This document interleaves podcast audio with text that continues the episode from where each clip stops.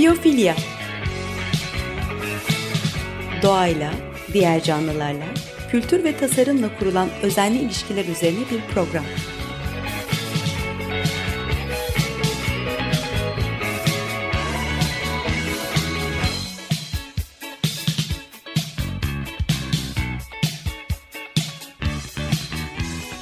Hazırlayan ve sunan Nurhan Kiyılır.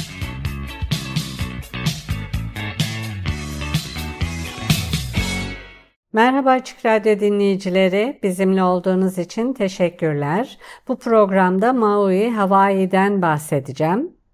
Maui'de 2000 dönümden fazla alanı etkileyen ve en az 2000 evi kasıp kavuran, 114 kişinin ölümüne yol açan yangın adanın tarım tarihiyle ayrılmaz bir şekilde bağlantılı. Hawaii Krallığı'nın eski başkenti Lahaina bir zamanlar balık havuzları, tatlı patates, kalo, taro ve ulu, ekmek meyvesi gibi çeşitli mahsullerle dolu, gelişen, ekolojik açıdan çeşitliliğe sahip bir yerdi. Ancak sömürgeleştirme ve onunla birlikte gelen sömürücü tarım sistemleri coğrafyayı ekolojik, kültürel ve ekonomik olarak yeniden şekillendirmede yıkıcı bir etki yarattı. Tüm bunlar toprakların verimliliğini azaltmakla kalmadı, aynı zamanda adanın büyük bir kısmını yangına daha elverişli hale getirdi.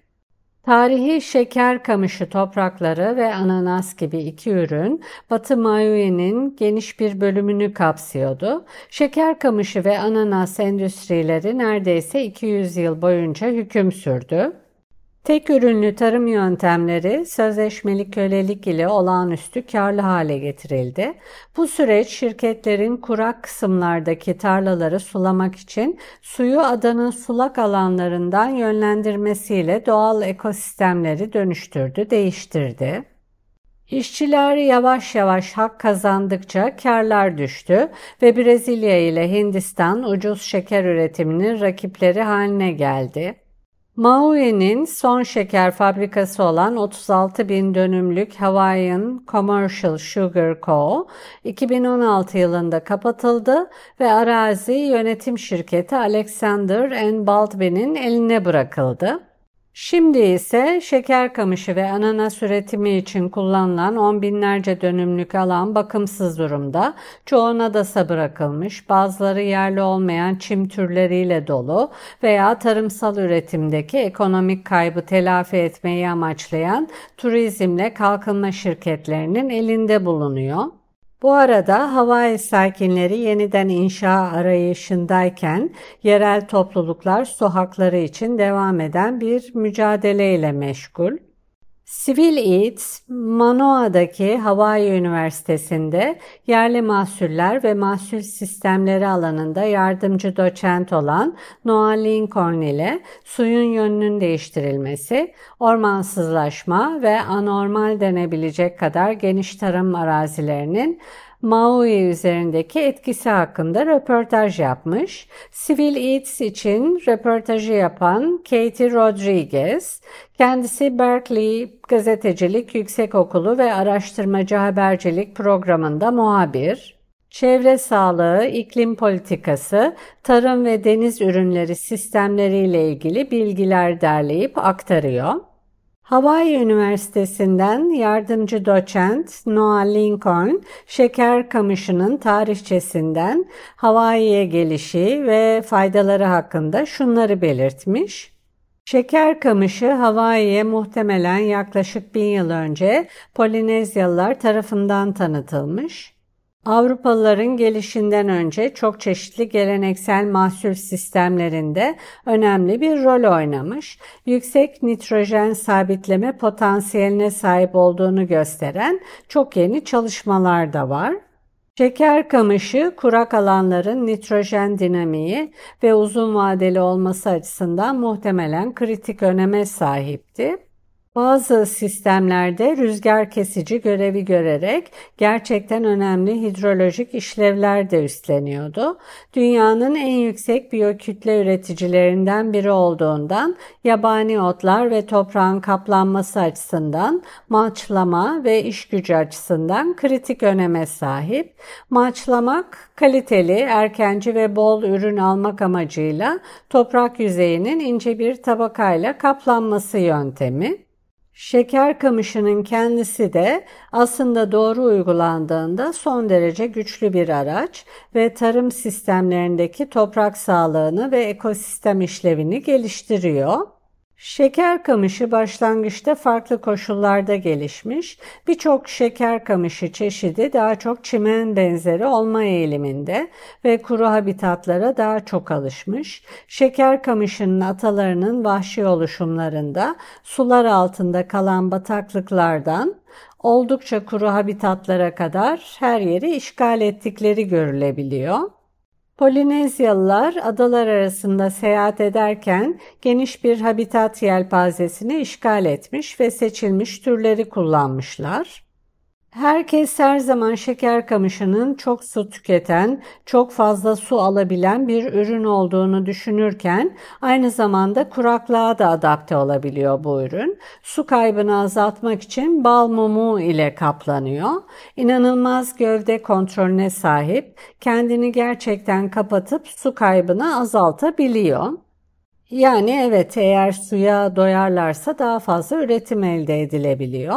Aslında Şeker kamışı oldukça kuru habitatlarda dahil olmak üzere çeşitli habitatlarda performans gösterip üretilebiliyorlar. Hawaii'nin sulak bölgelerinde sulama yapmadan şeker kamışı yetiştirilebiliyormuş. Ancak güneş ışığı daha az olduğundan daha düşük verim alınıyor. Plantasyonların çoğu Hawaii'nin daha iyi güneş ışığına ve önemli ölçüde daha iyi toprağa sahip olan bölgelerinden e, yararlanmak istemişler. Büyük ölçüde sulak yerlerden kurak yerlere suyu yönlendirmişler. Her yerde sulamaya ihtiyaçları yoktu ama muhtemelen bu tarlaları kurmak için sulamaya ihtiyaçları vardı. Maui'de şeker kamışı ekiminin çoğu büyük ölçüde bir puslu habitatı olan Central Valley'de yapılıyor. İlk büyük şeker tarlalarından biri olan Alexander and Baldwin, rüzgara karşı 27 vadiyi kesen gerçekten geniş bir sulama hendeği yaratmış. Derelerin sularını tamamen boşalttılar ve 27 tanesini de alıp şeker kamışı ekimi için yeterince nemli olmayan bir alanı sulayabilmek için onları Central Valley'e giden bu kanala yönlendirdiler. Peki bugün suyun akışı ne durumda? Tarlaların dikildiği dönemde Hawaii bağımsız bir monarşi. Sonunda monarşi devriliyor ve Hawaii önce bir bölge, sonunda bir eyalet haline geliyor. Ee, Amerika Birleşik Devletleri yasalarında veya Amerika tarihinde gerçekten bir paralellik yok. Ee, bu benzersiz bir vaka çalışması. Doğu Maui'de su konusunda çok uzun kavgalar olmuş. Olması da normal. Çünkü açıkça nehirdeki tüm suyu kendilerine çektiklerinde aşağı havzadaki yerli topluluklar kalo yetiştiremez olmuşlar. Kalo önemli bir geleneksel gıda. Kalonun yaprakları ve saplarını sebze olarak kullanıyorlar. E, gri ile mor soğanlar poi yani su ile karıştırılmış dövülmüş kalo veya Payaya e, çok az su ile üretilen dövülmüş kalo haline getiriliyor. Bu ürün yerlilerin ana ürünü. Su altında yaşayan sulanan kaloyu yetiştirme yeteneklerini ortadan kaldırmış oldular. E, bir sürü hukuki mücadele verilmiş. Hawaii Yüksek Mahkemesi'ne giden ve bugün birçok su hukuku dersinde öğretilen en önemli davalardan biri. Bu yüksek mahkemenin suyun kültürel uygulamalarının kamu güveni doktrini kapsamında korunduğunu onayladığı Vayahole Hendey davası. Burada su kanunu geçerli. Bu dava diğer birçok aynı durumdaki yerel halk için örnek dava teşkil etti. Böylece Doğu Maui sulama kanalında son 10 yılda içeri akış standartlarının yeniden oluşturulması, aşağıya aktığı yerlerdeki kullanıcılar için belli bir miktarda suyun garanti edilmesi açısından bazı zaferler elde edildi. Şu anda Maui'de oldukça fazla arazi Nadas'ta. Maui muhtemelen eyaletteki diğer adalarla karşılaştırıldığında en düşük yüzdelerden birine sahip ancak tarımsal imarlı toprakların %50'sinden fazlası Nadas'a bırakılmış. Tarım arazilerinin yalnızca %15'inin aktif mahsul yetiştirmek için kullanıldığı tahmin ediliyor. Çiftçiler eski şeker kamışı arazisindeki toprağı yenilemek için pek çalışamıyorlar. Bugün Hawaii'deki tarım alanında faaliyet göstermek için çok daha büyük mücadeleler veriliyor. En büyüğü devletin tarıma yönelik arazileri korumak veya değer vermek konusunda hiçbir şey yapmaması konusunda. Ee, bu nedenle tarım arazisinin arazi değeri onun gelişme potansiyeline bağlı. Oahu'nun kuzey kıyısında bir dönüm arazi almak için yarım milyon dolar gerekiyor ve Hawaii'de arazi, su ve iş gücü maliyetleri o kadar yüksek ki bir çiftçi olarak var olmak çok ama çok zor. Bu nedenle eğer yenileyici tarım uygulamaları düşünülüyorsa bu çiftçiler adına ek bir yatırım. Çok da ufukta görünmüyor dolayısıyla. Organik iyileştirmeler endüstriyel gübrelerden daha pahalı. Ağaç mahsulleri üretiliyorsa bu uzun zaman alıyor. Ee, bütün bunlar zaten son derece zorlu bir ekonomik ortamda çiftçi adına ek ekonomik yatırım anlamına geliyor. Bu nedenle yenileyici tarım uygulamalarıyla uğraşan insanların büyük çoğunluğu tam anlamıyla çiftçi değil, gençlerin katılımı veya kültürel eğitim yoluyla çiftçiliği destekleyen ve onların sonuca bağlı kalmadan daha yenileyici uygulamalarla meşgul olmalarını olanak tanıyan, çok sayıda kar amacı gütmeyen eğitim ve sosyal girişim var. Bu konuda çok sayıda emekli veya geçimini sağlamak için başka işlerde çalışan insanlar var. Ee, çiftçilik daha çok bir tutku ve bazı durumlarda bir hobi. Emekliler veya başka iş kolunda çalışanlar yenileyici uygulamalarla meşgul olma lüksüne nispeten sahipler. Ancak Hawaii'de gıda üretiminin nereden geldiğine bakılırsa bunu yapabilen çok az gıda üreten çiftçi var. Ee, bu konuya devam edeceğiz ama şimdi bir ara verelim.